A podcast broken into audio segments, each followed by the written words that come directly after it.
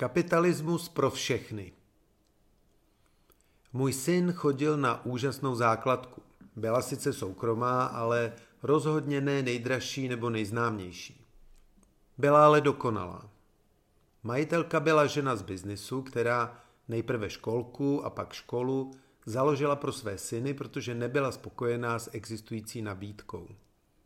Ředitel byl scout, četl rychlé šípy a chodil na výlety s batohem po Česku.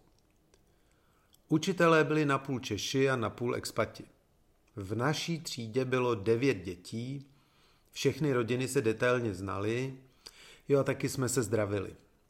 Já si navozil ráno a měl jsem se školou dost interakce na to, aby mne velmi často popadl strašně intenzivní pocit smutku a deprese nad tím, že nemohu tuhle život formující zkušenost dopřát všem dětem na světě. Že většina dětí takhle skvělý start do života nemá a že je to strašně smutné. Úplně stejný pocit mám ze světa těchto dní. Zase někdo chodí do skvělé školy, ale drtivá většina pouze přihlíží. Dnešní nerovnost příležitostí nespočívá v nerovném přístupu ke vzdělání, ale v nerovném přístupu k investování. Dnešní dny totiž představují jednu z velmi řídkých příležitostí, kdy jsme mohli nakoupit akcie super kvalitních společností za ceny, které se už nikdy nebudou opakovat. Už jsem tady říkal, že COVID-19 je jednou za život. V mnoha ohledech za to budeme jistě rádi a po zákazu vycházení se nikomu stýskat nebude. Ale i laická veřejnost dnes tuší, že na trzích se něco děje, něco neopakovatelného, něco, co může být zdrojem mimořádného zisku. Naštěstí spousta lidí také ví, že současná situace může být také zdrojem mimořádné ztráty. Proto se lajkové nevrhají do studené vody globálních trhů po hlavě a spíše zklamaně pokukují na břehu. Je to úplně stejná situace jako v té naší říčanské základce. Devět šťastných ve třídě, zbytek světa za branou. Obě situace rozšiřují nerovnost, která v důsledku neslouží nikomu a se kterou bohužel neumíme inteligentně bojovat. Co se dnes na trzích děje a proč je to pro masy problém? No, historicky se celý akciový trh, tedy jednotlivé společnosti na něm obchodované, jejich skupiny reprezentované různými odvětvími, choval dle fází ekonomického cyklu. To dnes ale není.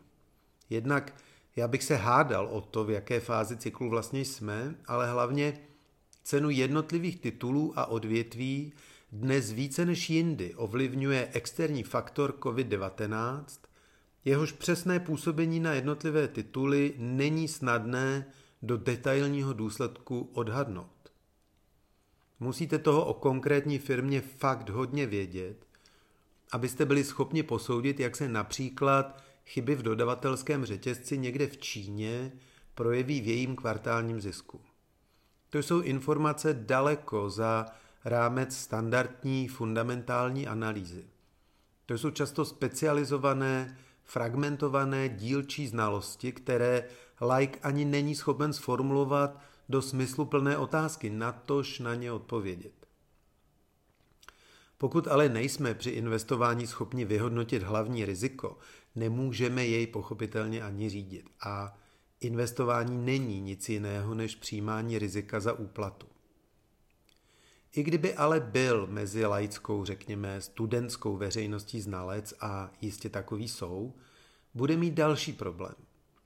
Problém, na který mne správně upozornil jeden z mých posluchačů na Instagramu. Spousta kvalitních akcí má pro začátečníky příliš vysokou jednotkovou cenu. Na nákup jediné akcie Amazonu si musíte skutečně připravit 60 tisíc korun bez poplatků. To ale znamená, že pokud chcete mít akciové portfolio složené třeba z deseti titulů a v každém mít 10% hodnoty portfolia, budete potřebovat přes půl milionu korun do začátku. To sice jsou pro spoustu lidí snadno představitelné peníze, ale pro většinu je to něco jako nekonečno. Ti lidé vám řeknou, že kdyby měli půl mega na ruce, tak by se zbavili všech životních problémů a nějaké investování by je vůbec netrápilo.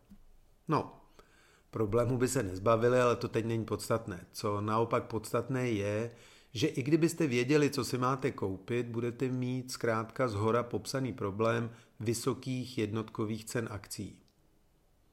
Někdo může správně namítnout, že tento problém není nový a od toho přece existují fondy, které přesně tenhle problém řeší a co jako ty Zero Tracking Funds třeba od Fidelity nebo Vanguardu, které jsem loni všem doporučoval. Jo, milánkové, s těmi je na dlouho konec.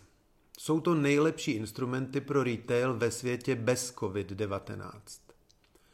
Z toho také bohužel plyne, že jsou to ty nejhorší instrumenty pro retail ve světě s COVID-19.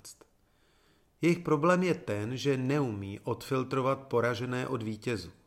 To sice neuměli nikdy, není to jejich posláním, ale jindy to nevadí. Už jsme si řekli, že normálně se trh chová podle fází hospodářského cyklu. To znamená dvě věci. Hospodářský cyklus nenastupuje na trhy přes noc. Aby indexy skočily tak dolů, jak to předvedli letos na jaře za týden, normálně potřebují rok, maximálně dva. To je dost času i pro ty zabedněné, aby stačili včas vystoupit, aby stačili včas prodat. Stejné to cestou nahoru, leze to pomalu. Druhý faktor, který dnes také neplatí, je fakt, že hospodářský cyklus působí na trh stejným předvídatelným způsobem. Ani to se dnes neděje. COVID-19 rozdělil trh na tři sektory. Za prvé, mamutí firmy s obřími bilancemi přežijí všechno. Alphabet například. Za druhé, firmy, které ze situace dokonce těží. Amazon například. Ale pak, bohužel, máte spoustu firm na jipce. Ford například. Problém je, že v indexu je máte všechny. Jenže do takové věci přece nechcete investovat. Navíc, když Ford pomalu převážejí na ECMO. Řešením by byl fond, kterému pracovně říkám fond SAP 500 minus poražení. Takový fond bych vám s klidným srdcem doporučil a zkusím přemluvit nějakou banku, už to u dvou zkouším, aby ho pro vás udělala.